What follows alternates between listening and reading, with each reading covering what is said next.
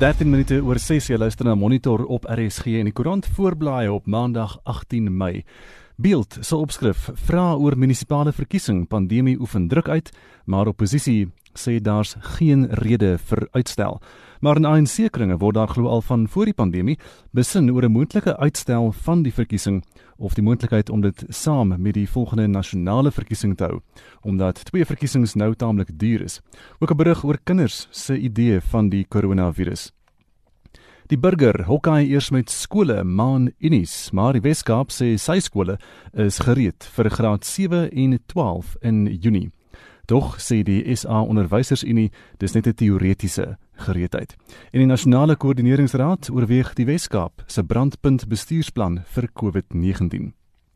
Volksblad vandag grey twis betree pylfak, die regters tas mis, meen die beheerraad en 'n brand verwoes 'n Vrystaatse LER se spoghuis, daar's 'n foto daarvan. Business Day se opskrif besighede vra dat daar vinnig na, na vlak 2 beweeg word en die skietstilstand tussen die minister van openbare ondernemings Pravin Gordhan en die SAL sakeredders is op die rotse nadat hulle Vrydag aan die parlementêre portefeulje komitee gesê het hulle gaan voort met die sluiting van die maatskappy. Internasionaal op bbc.com. Hospitale in Brasilië se grootste stad, São Paulo, is naby aan die einde van hulle vermoë. Die burgemeester vrees dat die gesondheidstelsel nou in duie kan stort weens die koronaviruspandemie. Brasilië het Saterdag Spanje en Italië verbygesteek in infeksiesyfers en dit is vinnig 'n oorsig van vanoggend se nuus. Ons berig later in Monitor oor die finansiële verligting aan opkomende boere wat nou uitbetaal word. Die vraag is egter wat van ander mense wat skade ly weens die inperkingsregulasies. Een meganisme is werkloosheidversekering, maar dit lyk of daar probleme is met die uitbetaling daar daarvan. Ons wil vanoggend weet wat is jou ervaring? Jy kan vir ons 'n SMS stuur na 45889. Onthou dit kos R1.50 of jy kan gaan na Facebook by facebook.com vorentoe skynstreep ZRC of stuur vir ons 'n WhatsApp nota na 076 536 6961 ek herhaal daardie nommer 076 536 6961 en bly ook ingeskakel vir 'n onderhoud na 7 vanoggend met professor Bergette Kuske van die Universiteit van Pretoria wat gaan praat oor versekeringsreg en hoe jou versekering geraak word in hierdie tye. Dis nou kwart oor 6 in die Suid-Afrikaanse Redakteursforum SANEF het hulle skok uitgespreek oor 'n voorval in die Vrystaat waar tydens die polisie na bewering 'n joernalis van Ficksburg aangerand het. Die voormalige SAIK-joernalis Paul Ntoba kruip nou uit vrees weg. Ntoba wat by 'n gemeenskaps wat 'n gemeenskapskoerant bedryf, sê hy het aan 'n storie oor die sigbaarheid van die polisie in die gebied gewerk. Hy het 'n foto van die polisie op patrollie geneem, maar toe hulle hom sien, het hulle hom glo beledig en aangerand. Ongwatala. Ongwatala. Ongwatala. Ongwatala. Lengwatala. Lengwatala. Mapani sota ampulai. Lengwatala.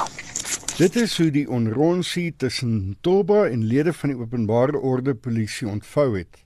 Daar kan in 'n selfoonopname gehoor word hoe in Toba die polisiebeamptes vra hoekom hulle hom aanrand. In Toba sê die polisie het hom geslaan bloot omdat hy sy werk gedoen het. Hy voel dit nêrens om hom vir hulp te wend nie. Uh, I was on an assignment uh, covering a story on police visibility and I took a picture of policemen and they started insulting me and then accosted me, beat me up and then I went to the police station to open a case. When I got there, I was beaten up in front of senior police officers in the presence of them. And currently, I mean, I'm in hiding because I feel I don't feel safe. I mean, facts with guns and badges are after me, so and they have the whole state machinery after it. And I'm just a lonely newsman in, the, in somewhere in the in the in the in the, in the, in the rural areas. Who's there to protect me? Ntoba het 'n klag van aanranding by die polisiestasie aanhangig gemaak. Hy sê die polisiebeamptes aan diens was huiwerig om 'n dossier oop te maak. Ntoba beweer terwyl hy by die polisiestasie was, het dieselfde polisiebeamptes van vroeër hom weer aangerand. Ntoba sê nou voel hy nie veilig nie. I'm in hiding because uh, they said who am I to think that I can open a case against them and they're going to deal with me. So I'm, I'm, I'm scared. I live alone, and then the, our area is quiet. I don't know what could happen to me, and that's why I'm in hiding. I, I, I wish I could go. I could go out of the country, but the borders are closed. Who, I mean, who is there to protect me? That's that's that's them. That's my main work. I keep on asking myself, who's there to protect me? A police station is supposed to be a sanctuary. Die redakteursforum SANEF sê intussen hulle 'n dringende vergadering met die nasionale kommissaris van polisie, Kehla Sitole versoek, sowel as die bestuur van die onafhanklike polisieondersoekdirektoraat en die metropolisie in Kaapstad oor beweerde aanvalle op lede van die media. Die uitvoerende direkteur van SANEF is Kate Skinner. SANEF is deeply disturbed to hear of the abuse of community media journalist Paul Ntoba in a township close to the Lesotho border. We are even more deeply disturbed to hear of the abuse and incarceration he subsequently experienced at the Vicksburg police station, where he went to lay an assault charge. Here, he was beaten up and held in the police cells for four hours. We are going to be, as SANEF, taking this up at the highest level. Ooggetuies sê die polisie parkeer gewoonlik in 'n oop terrein, 'n klipgooi van die Caledon rivier af, wat die grens tussen Suid-Afrika en Lesotho is. 'n Woordvoerder van die onafhanklike polisieondersoekdirektoraat, Sontaga Saisa, het bevestig dat hulle 'n klag oor polisieaanranding in die omgewing ontvang het. Sontaga sê daar is egter ook 'n klag teen die betrokke joernalis omdat hy nie 'n werkspermit kon wys toe hy daarom gevra is nie. Niemand is nog in hegtenis geneem nie en Opot sê hulle ondersoek die saak. Hierdie bydra van Ismail Mudiba in Ficksburg en ek is Hendrik Martin vir SAK nuus. Wetenskaplikes sê die druk om 'n enstof teen COVID-19 te vind neem toe. Vandag is wêreld vigs en stofdag, hoewel daar nog geen enstof vir HIV vigs beskikbaar is nie. Tog is dokters optimisties wat COVID-19 betref dat daar wel 'n enstof binne 'n paar jaar beskikbaar sal wees. Presies 28 jaar gelede is een van die grootste konserte ten bate van vigsnavorsing in die ikoniese Wembley Stadion in Londen ter ere van die rocklegende Freddie Mercury gehou wat aan komplikasies dood is weens die HIV virus. Sedertdien sê UNAIDS is miljarde dollar bymekaar gemaak vir vigsnavorsing sonder dat 'n entstof ontwikkel is. Die direkteur van vigs en TB navorsing by die Suid-Afrikaanse Mediese Navorsingsraad is Dr Farid Abdullah. It was very difficult to get the right vaccine. How do you discover, make a vaccine in a laboratory and then test it in human subjects? The first vaccine candidate was trialed in Thailand more than 10 years ago and it showed some efficacy. The coronavirus family of viruses is a very different kind of uh, virus to the HIV virus. With HIV, we know that constantly mutating. That's one of the reasons why we're struggling to find a vaccine. When it comes to coronavirus, this is um, a simpler uh, virus to develop a vaccine against. If you compare it to the, influenza vaccine, uh, this is a simple vaccine to make. We have the hope that the same could happen with uh, coronavirus. Terwyl wetenskaplikes baie optimisties is dat 'n COVID-19-enstof binne enkele jare ontwikkel gaan word, is daar diegene wat hard werk om 'n doeltreffende enstof te kry onder geweldige druk.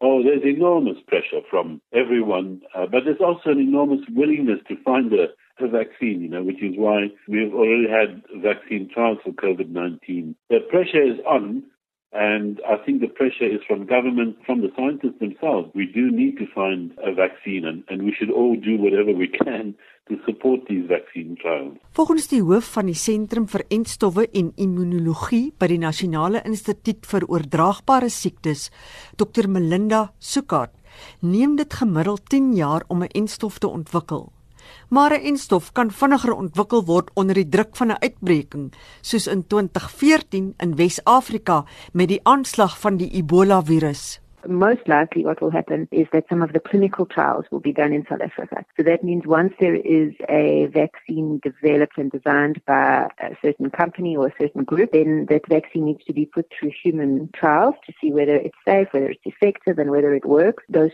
trials go in phases. Phase one being a safety trial, phase two being dose finding, and working out what the immune response to the vaccine is. And then phase three is when we actually try and work out does it work to prevent the disease of interest. Not going to be before eh, about a year's time or 18 months' time, and that's a very optimistic timeline. Usually vaccines take 10 years to be developed. But we've seen that vaccines can be developed much quicker in outbreak situations. Terwyl regerings en sakereuse soos Bill Gates en Jack Dorsey saamgespan het om geld vir die COVID-19 pandemie te skenk, is die vraag of dit kan help om 'n enstof in groot mate te ontwikkel as dit eers beskikbaar is. Sukart sê miljarde dollar moet wêreldwyd gevind word om die broodnodige enstof in groot volumes te kan produseer. I think there is a lot of pressure and a lot of global focus, but usually that is a good thing because it harnesses the money required for these trials, which is substantial. There's a lot of time pressure as well to make things happen fast. So I think this is an unprecedented situation and it is calling for new strategies. How will we finance manufacture of this vaccine and distribution of this vaccine? Most vaccines are made by um, profit-making companies. We don't want only, you know, richer areas to have access to the vaccine. Vaccine manufacture is not free. Somebody needs to pay for it. And what we are seeing is the world coming together to pay for the research and development that's going into the vaccine. But then someone also needs to pay for the manufacture. Meer as 140 wêreldleiers, waaronder president Cyril Ramaphosa, het 'n oop brief onderteken waarin hulle alle regerings vra om saam te staan sodat 'n enstof teen COVID-19 ontwikkel kan word. Gesondheidsnieregeringsorganisasies het hulle by die versoek geskaar en bygevoeg dat 'n gratis enstof eers by die arm gemeenskappe gekry moet word. Die direkteur van die Moslem Hulpprogram in Johannesburg is Suraya Nawab. ARV rollout in South Africa was a real big struggle for AIDS activists until they started making it available at the hospitals. In the beginning, it was only the upper middle class that had access. I think it's absolutely important for it to be free and poorer communities need it. Government is going to have to look at a way in which they can uh, come up with the funds to actually fund it. Terwyl epidermioloë en enstofkundiges hard werk om 'n COVID-19 enstof in die nabye toekoms te ontwikkel, kan dit in werklikheid nog jare neem. Prabashini Moodley het hierdie verslag saamgestel. Mitsi van der Merwe, SAK-nuus.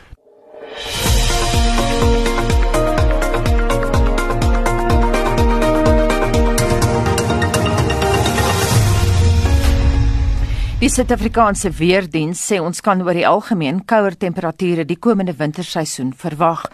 'n Voorspeller by die Weerdiens se Bloemfontein se kantoor, Zenia Sitabela, sê hulle voorspel egter matige temperature vir die volgende 7 dae na die afgelope paar dae se bibberkoue. It's just because of some cutoff flow that was situated over Namibia that was uh, maybe bringing some cold air over Gauteng and some central parts of the country. After the system has has moved over the country. There will be no rainfall expected, but we do see some increase in temperatures on Sunday over the um, southern parts of the country. But also on Sunday, over the northern parts of the country, there will be some decrease in temperatures. Otherwise, cool conditions can be expected in most parts of the country for the upcoming seven days. There is a some extreme high fire danger conditions which can be expected over the western and central parts of the Eastern Cape. This can also be expected for tomorrow.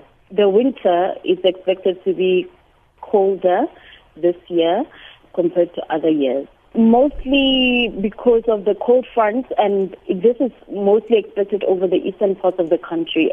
I think it will only be like two degrees colder En so voorspel Zenia Zitabella van die Suid-Afrikaanse Weerdiens se Bloemfontein se kantoor en sy het met Justin Kennerly gepraat.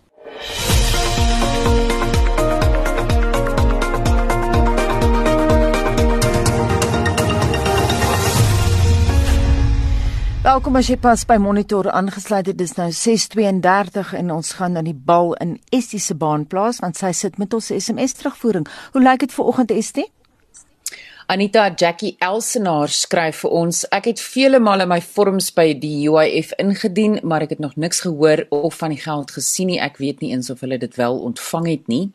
Nolien Bouwer sê, my dogter het vir die gewone UIF voordele aansoek gedoen einde Maart, maar op haar profiel staan van einde Maart af betaling geskied binne 10 dae of under review en daar's nog niks nie. Kathy J Smith sê ek het vir myself gewerk, maar my plekkie is nou bankrot en ek het dit gesluit. Ek kry geen hulp of UIF nie. Ek het nou in laasweek terug ek het laasweek teruggetrek na my ouers in Gauteng. Hulle sorg nou weer vir my met hulle karige pensioen. Dis vernederend, maar ek het geen ander opsie nie. Elske McCullen skryf, ek het namens die firma vir ons personeel op 3 verskillende maniere aansoek gedoen en ons het nog niks gehoor nie.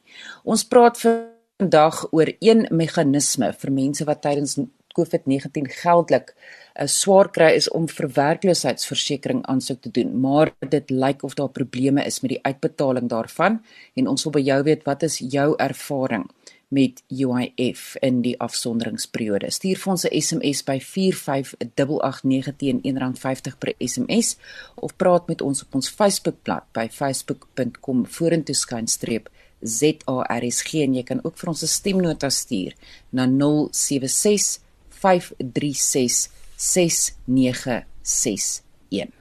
Dis nou 26 minute voor 7 en die Kaapstad se metro sal binne die volgende paar dae met herstelwerk aan die beskadigde Skanskorf steenmuur tussen Grootbaai en Kleinbaai naby Blouberg strand begin. Die bouwerk sal hopelik oor 10 weke voltooi wees. En ons praat nou met die burgemeesterskomitee lid vir ruimtelike ontwikkeling en die omgewing Mariaan Nieuwoud. Mariaan, goeiemôre. Goeiemôre Gustav. Eerstens, wat is 'n Skanskorf steenmuur? Uh ek dink hy's beter bekend in Engels as 'n gabion meat. Dit is basies 'n 'n klipmandjie uh wat vervaardig word en dan ge, uh, gepak word sodat 'n mens die impak van die water en die ehm um, gety dan uh weerstaan teen die uh die verstedelike kant van die strand. En waar presies gaan hierdie bouwerk dan nou plaasvind? Dit ehm um, dit gebeur tussen uh wat ons uh Smallbay en Diekbay noem. Hmm. Uh dit is die uh, stapgedeelte, so dit behels nie 'n uh, pad of uh, enige ander area nie. So selfs jy parkeerterrein en dan die uh, stapgedeelte tussen die twee uh strandgedeeltes. So het dit dan betrekking op voetgangers of mense wat die strand besoek en mag hulle die strand nou besoek? uh ja, hulle mag nie van uh besoek by die stadium om te gaan swem en sulke goed nie. So uh ten spyte van die ongerief daarvan, dink ons dit uh moet in elk geval nou gedoen word want elke winter is skade net al hoe groter en uh die gevaar is ook al hoe groter dat dit gaan uh, inkalwe. So die nabygeleë inwoners word nie direk geraak nie. Uh, in in die sin dat die hulle sal nou die konstruksie uh, ongerief ervaar ja. Jy sê net dit is dit, uh, noodsaaklik nou in die winter veral. Hoekom is dit so belangrik? Wat gebeur?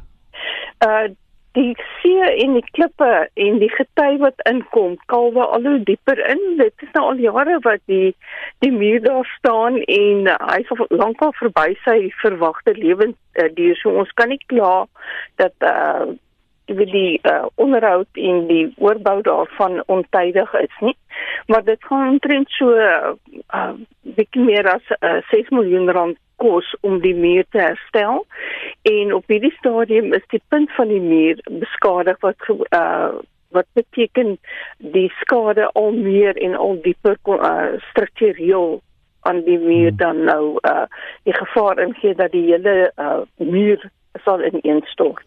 Hoe die steenmuur in die eerste plek beskadig geraak? Was dit maar die see gewees? Dit is maar die see en dan moet mense ook nou in ag neem dat ons het mos dan nie 'n rustige see in die Kaap nie. en dan is die klimaatsverandering veroorsaak ook dat dit uh, al hoe erger raak en al hoe stormagtiger word. En waar mense dan nou 'n swak plekkie ontdek, uh, is die inval mos nou maar net al hoe uh, erger en erger en dan het ons ook uh, ervaar dat die uh, die sand al hoe minder word. Hmm. So die sand word weggewaai en dit word nie weer gedeponeer nie. Hoe groot is hierdie projek en hoe lank gaan dit vat? Ons hoop met uh, afhangende dit is nou mos 'n moeilike tyd uh hier by ons want dit is nou uh begin winter en reën hmm. en sulke goed maar dit behoort so in uh aan die einde van die maand hoop en dit klaar te wees. Uh as ons so 10 weke dit kan doen en dan uh dit stuk stuk uh sal ons verseker dat die mense uh die nodige uh, voorsorgmaatreëls tref en dat dit uh, veilig sal wees in die afgesperde gebied waar hulle die konstruksie doen. Marian baie dankie. Dit was die burgemeesterskomitee lid vir ruimtelike ontwikkeling en die omgewing in Kaapstad, Marian Nieuwoud. En ons beweeg nou na die sportveld. Hier is Shaun Jooste. Ons begin met golfnuus. Die vroue Koreaanse PGA Kampioenskappe, die eerste toernooi wat gespeel is na die koronaviruspandemie die wêreldsportkalender verwoes het, is gister agter geslote deure voltooi. Die wêreldnommer 3 speler Sung Hyun Park het die trofee gelig en op 17 houe onder die baan sy vergeëindig. Sy het ook met 180 000 dollar weggestap. Gewoonlik is daar net belangstelling in Korea, maar uitsaai regte was in lande soos Amerika, Kanada en Australië verkoop. Rugby Wêreldrugby het aangekondig dat alle toetse in Julie weens die koronavirus uitgestel is. Volgens Wêreldrugby maak die verskeie lande se kwarantyne en reisbeperkings dit moeilik om voort te gaan. Toetse in Augustus, Oktober en November is ook in gedrang.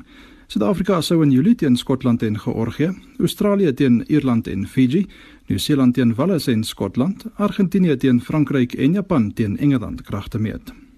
Die voormalige Cheetahs en Worcester Warriors afrigter Rory Duncan het die Kings se aanbod van 2 miljoen rand per jaar van die hand gewys en besluit om by die Japaneese klub NTT Tacoma Red Hurricanes en al nuwe breier die Suid-Afrikaner Johan Ackerman aan te sluit.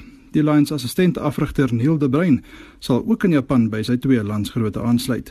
De Bruin is die seun van die voormalige Bok assistent en Lions afrigter Swys De Bruin. Motorsport.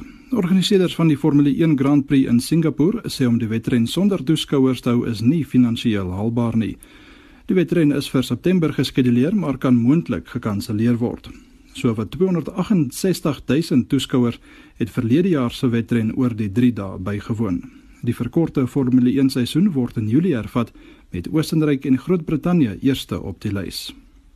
En laasens kyk ons na van die naweek se uitslae in die Duitse Bundesliga wat ook agter geslote deure voortgesit word. Bayern München 2, Union Berlin 0, Borussia Dortmund 4, Schalke 0, RB Leipzig 1, Freiburg 1 en Eintracht Frankfurt 1, Borussia Mönchengladbach 3.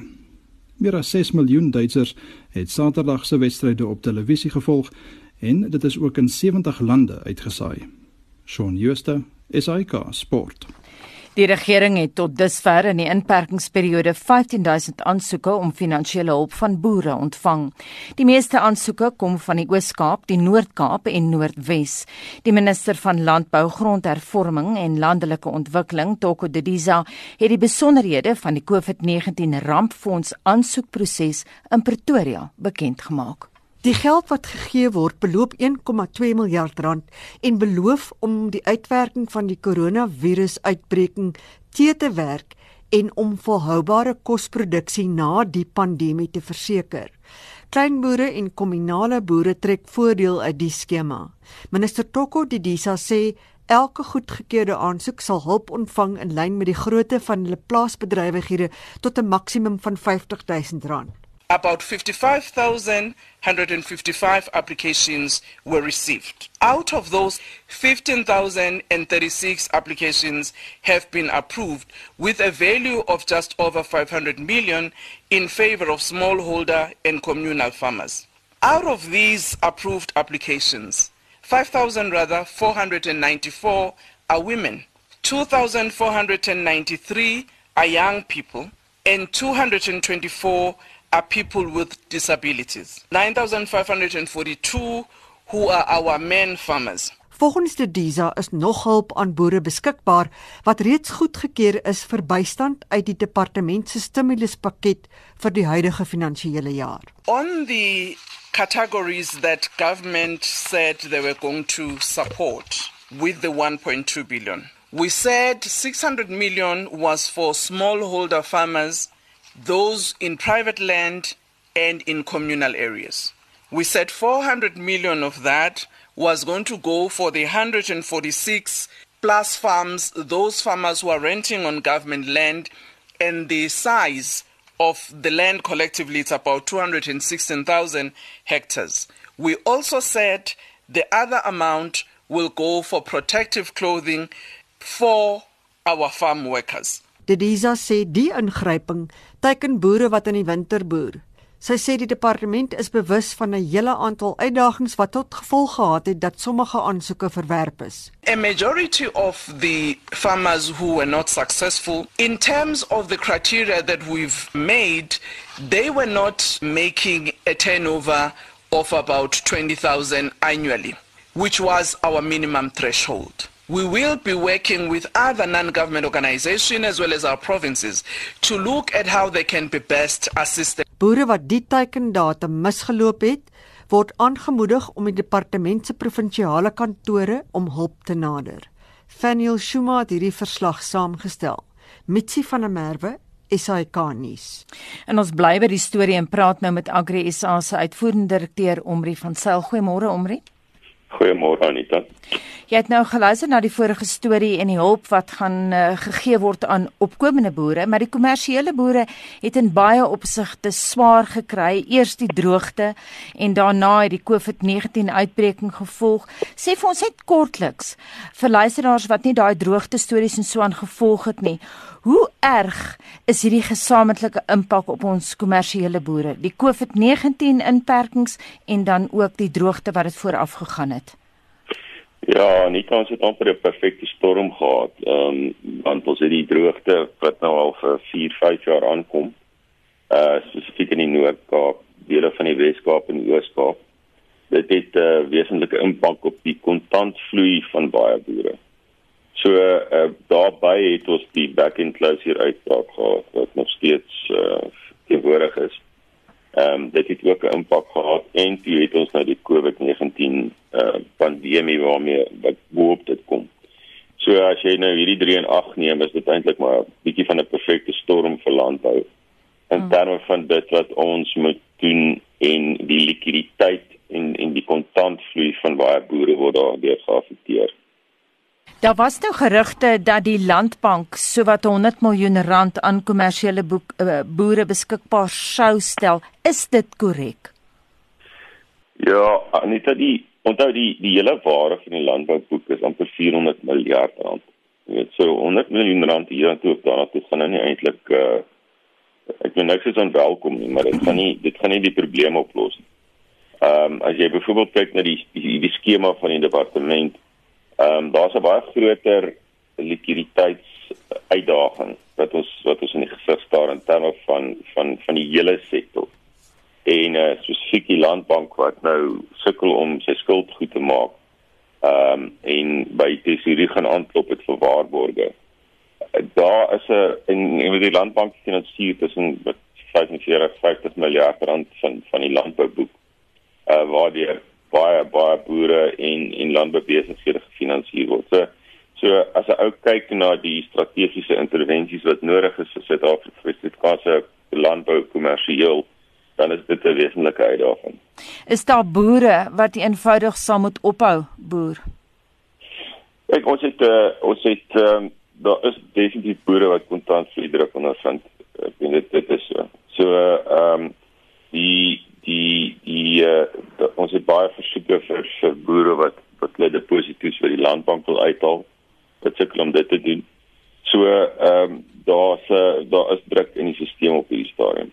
Hoe lyk ons voedselsekerheid in Suid-Afrika op die oomblik, Omri? Ons is baie gelukkig in Suid-Afrika dat ons 'n baie gevorderde voedselstelsel het en ook uh jy weet baie goeie boere het. Ek meen ons mielieoes dink ek gaan 15.5 miljoen ton miljoen ton wees. Ek meen dis een, een van die hoogste getalle nog. Mm. Uh gelukkig nou in hierdie tyd, onthou die die, die miliese se proteïen uh wat wat hierdie hele ware ketting ingaan in diere en en en en en hoenders en so meer. So so dit help baie. Ehm um, daar is bepaalde bedrywe wat onder geweldige druk is veral ouens wat semi-afhanklik was van uh, toerisme, soos die wynindustrie, die jagindustrie, die bultindustrie, die akwakultuurindustrie, die tabakindustrie.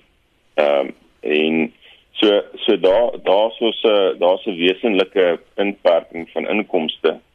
En dan natuurlik ook met restaurante wat toe is word uh die die die hoeveelheid voedsel wat wat verkoop word in Suid-Afrika is nie meer is nie op dieselfde vlak as wat dit altyd is. Toerisme en so voort. Ons praat so, vanoggend met Agri SA se uitvoerende direkteur Omri van Sail. Skus Omri, jy wou nog verder sê toerisme en so en Ja, ek dink dit het alles wesenlike impak op die ekonomie en en indirek ook op die op op, op landbou. So gelukkig gelukkig voer ons nog, weet ek, en ons het die grootste sitrusprodusent in die wêreld. So dat ons uitvoerproduk mark is redelik oop. Maar aan die ander kant weer, weet, is daar sekere uitdagings met die kopers aan daai kant. Jy het nog altyd vir ons op monitor gesê omre dat julle kommunikasie met die regering goed is.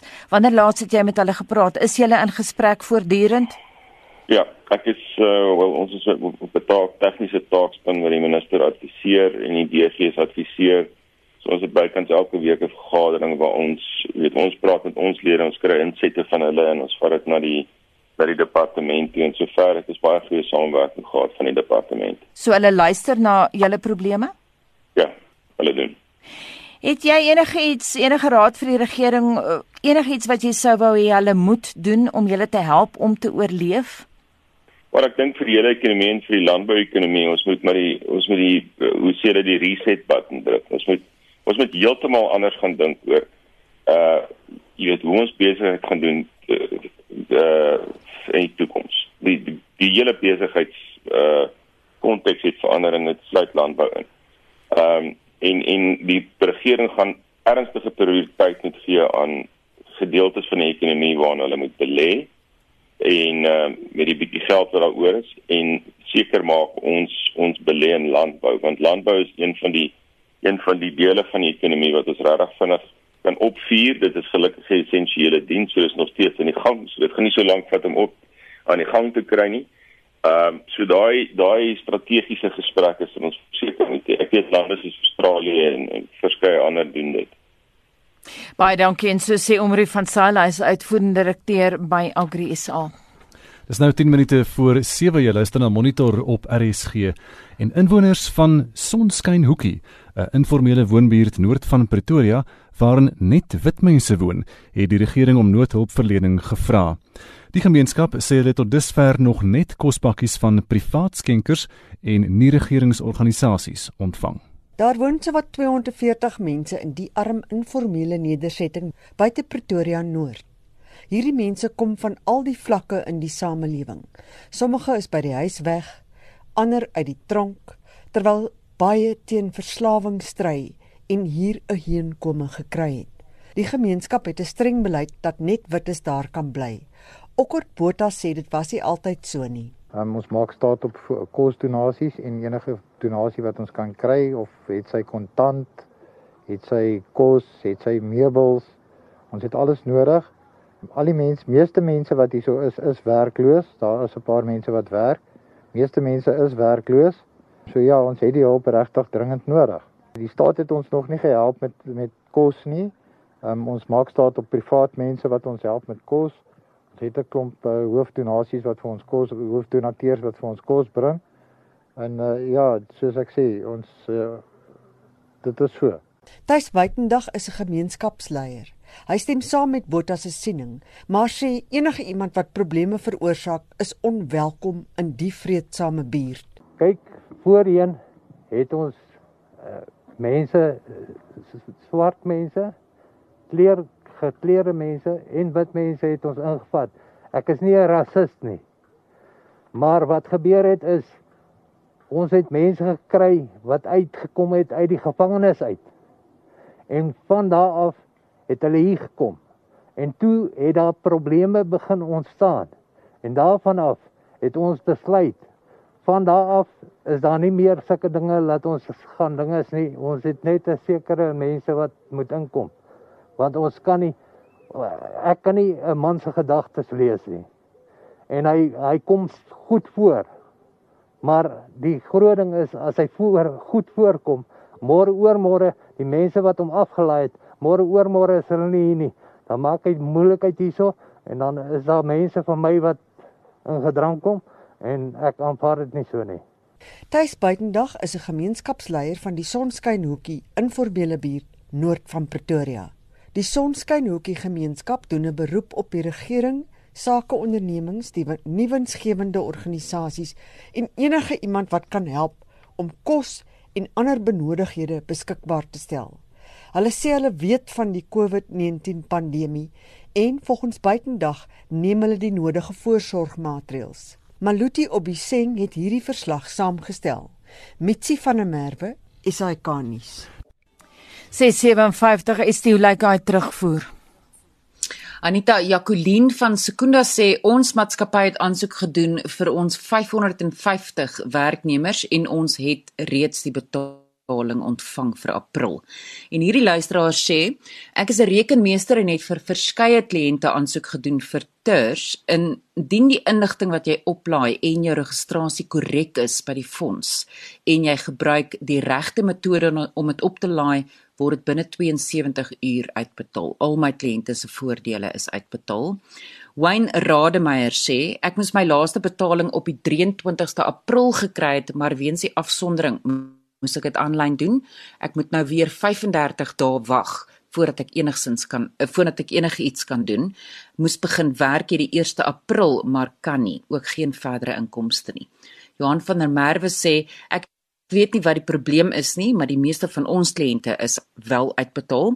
En Johan van Jeffreys Bay sê ons hou aan om vir UIF ehm um, inligting in te stuur. Elke keer kom dit terug. Dis nie ingedien nie. Kort kort is daar nuwe reëls. Ons is moedeloos. Ons het meer as 40 werknemers wat ons bly vra. Dion van Alberton sê ek ervaar geen probleme nie. My werkgewer het voortydig en behoorlik aansoek gedoen en alles gedoen wat hy moes. Ant Ninaber sê ek het vanaf 2017 'n huis en tuinwerker en UIF vir hulle betaal het namens hulle eis ingedien. Die eis is erken maar nie betaal nie en navraag word nie beantwoord nie. Dan sê 'n anonieme luisteraar vir ons al ons werknemers is geregistreer vir UIF. Ek betaal stiptelik maandeliks. Tans het slegs ons swart werknemers hulle uitbetalings ontvang en die wit werknemers bestaan nie meer op die stelsel nie. En dan sê 'n anonieme luisteraar, my verloofde het begin Maart aansoek gedoen vir gewone UIF. Hy hoor niks nie en stuur elke week e-posse, maar dit word doeteenvoudig net geïgnoreer.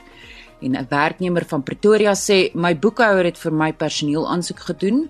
Ons het dit het 3 dae geneem toe hulle geld in die besigheidsrekening inbetaal en ek het dit toe dadelik vir hulle oorbetaal.